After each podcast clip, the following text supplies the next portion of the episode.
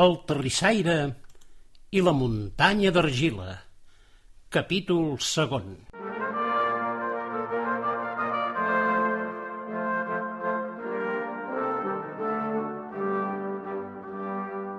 Aquesta és la història que l'home de fang va explicar al terrissaire i que jo us explicaré com si fos el mateix home de fang que us l'explica. Començo?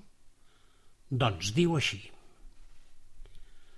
Vaig néixer en un poblet al peu de la muntanya d'argila on tothom és terrissaire.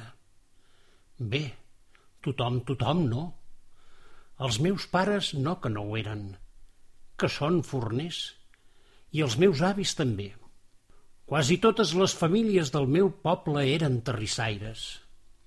Potser em diràs que no per això, per ser terrissaire, s'ha de tenir el cos de fang. I tens raó. Que siguem de fang és fruit d'una maledicció. Tot va començar el dia que va arribar al poble un home d'aspecte venerable, amb els cabells llargs, platejats, i la barba també platejada que li arribava a la cintura. Deia que venia dels confins de la terra on havia après a fer ceràmiques molt boniques. Aleshores només hi havia un terrissaire al poble que feia peces ben senzilles, plats, olles, safates, gots i poca cosa més. Ni tan sols els decorava. N'hi havia ben bé prou pel que necessitàvem, i a més, les peces duraven molt perquè el fang que treien de la muntanya d'argila era de primera qualitat. L'home venerable ens va dir que, de feia temps, cercava les millors olles, olles que havia de menester per una feina molt especial, i que després de voltar els cinc continents havia comprovat que l'argila de la nostra muntanya era la millor pel que havia de menester. Ens va oferir d'ensenyar-nos les tècniques més sofisticades per fer peces de ceràmica, com mai havíem vist, peces que es farien famoses a tot arreu i que tothom les voldria comprar. A canvi, nosaltres li havíem de fer olles, tantes com poguéssim.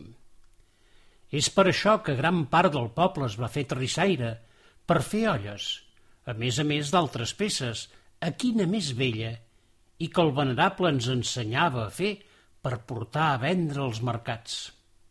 Totes les fórmules agudes i per haver les tenia escrites en un llibre, aquest que tu tens a la lleixa d'on has tret el pergamí.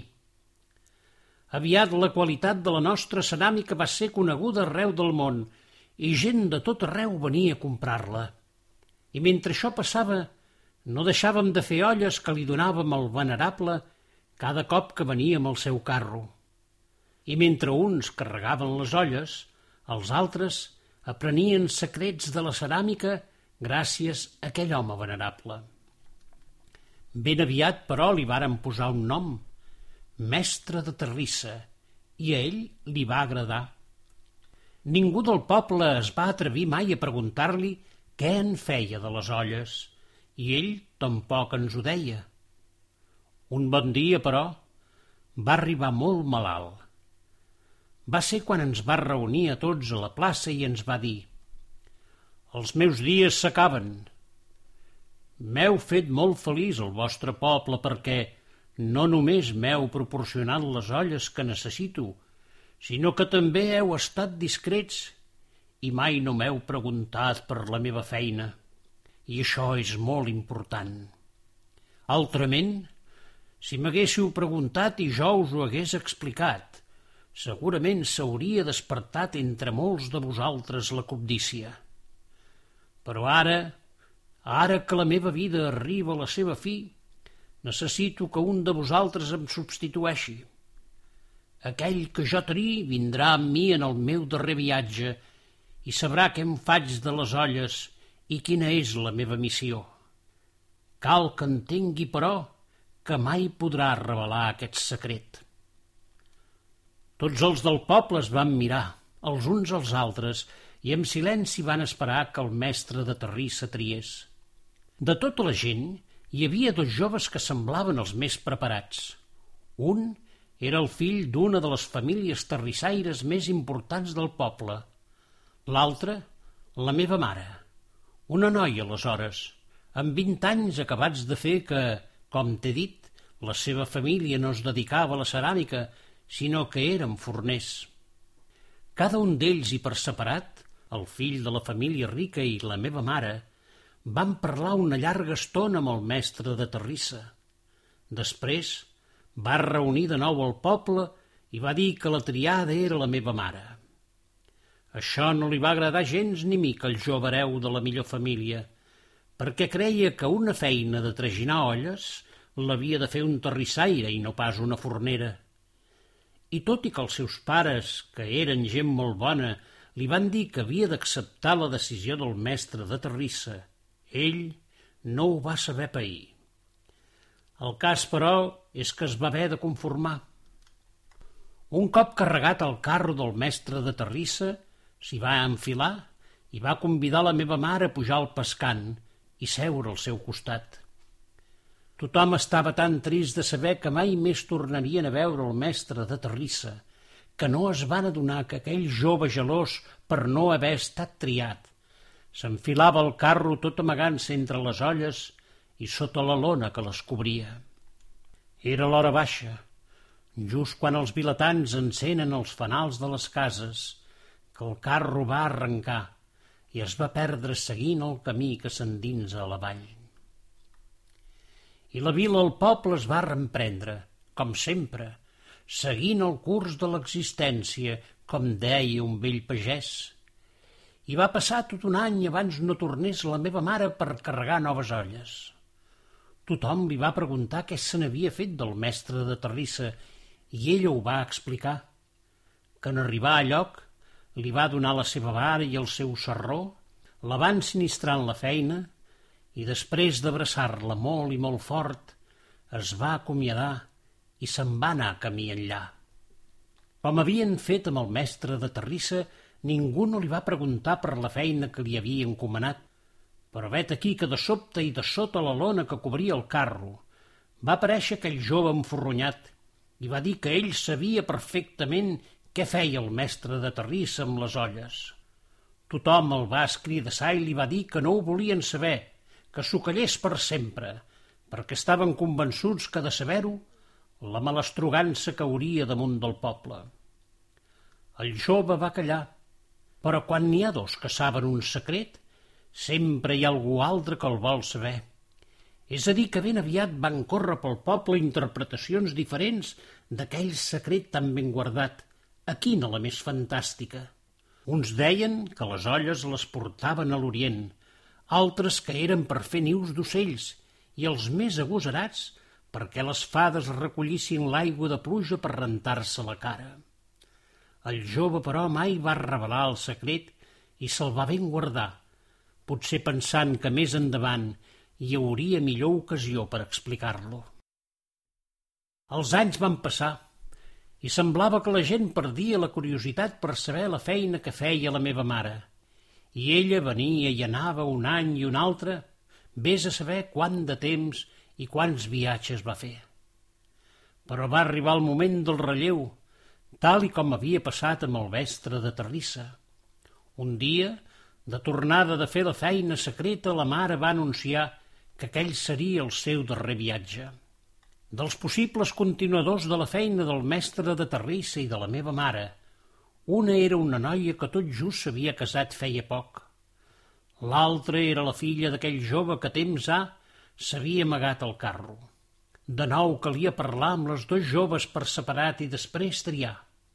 Però aquell jove, que no era tan jove sinó vell com la meva mare i que coneixia el secret, va dir que no, que ara li tocava a algú de la seva família.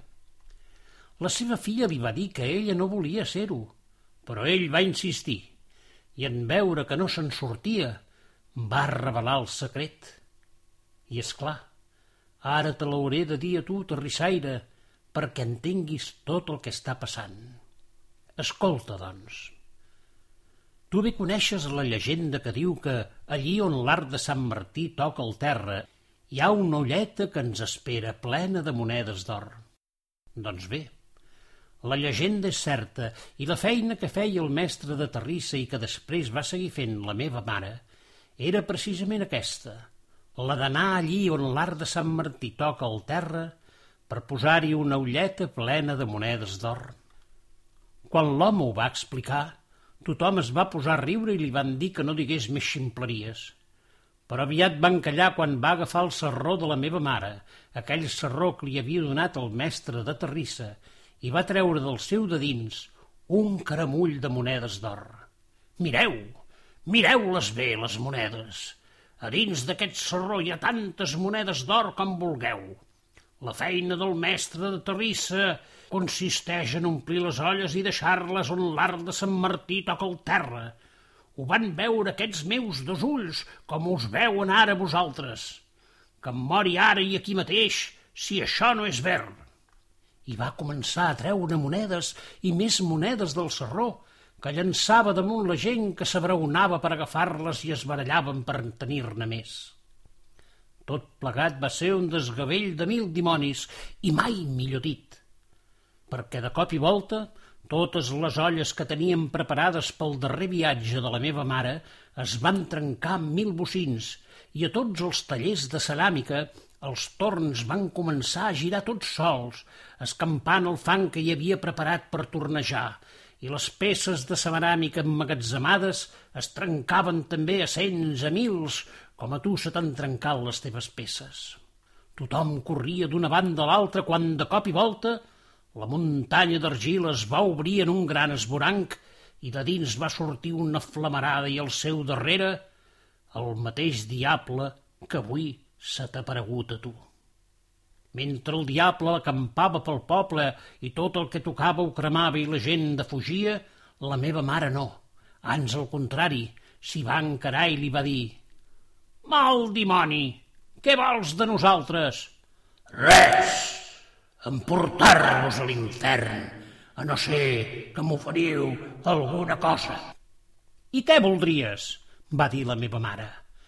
«Veureu Precisament algunes de les meves calderes s'han trencat i no tinc cap drac de foc que me'n faci de noves.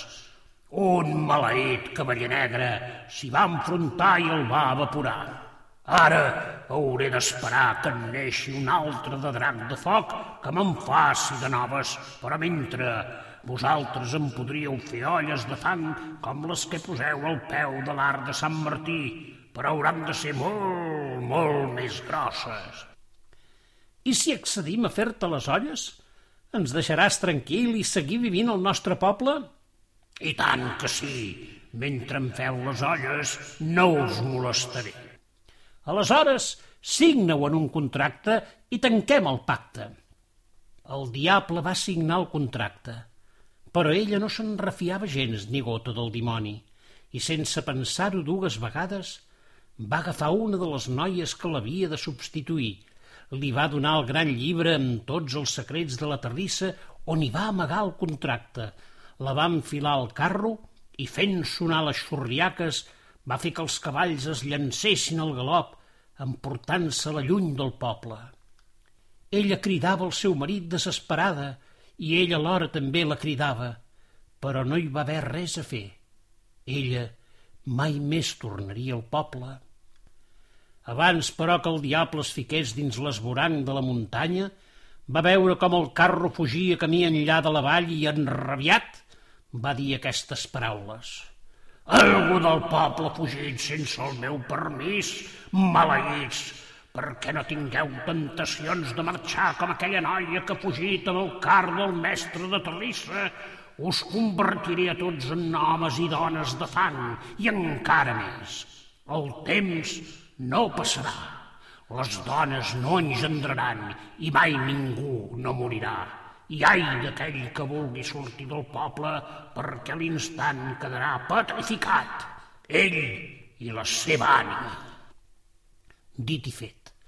De la seva boca va sortir una bafarada i ens va convertir a tots en el que ara som, un cos de fang, homes i dones, nens i nenes de fang.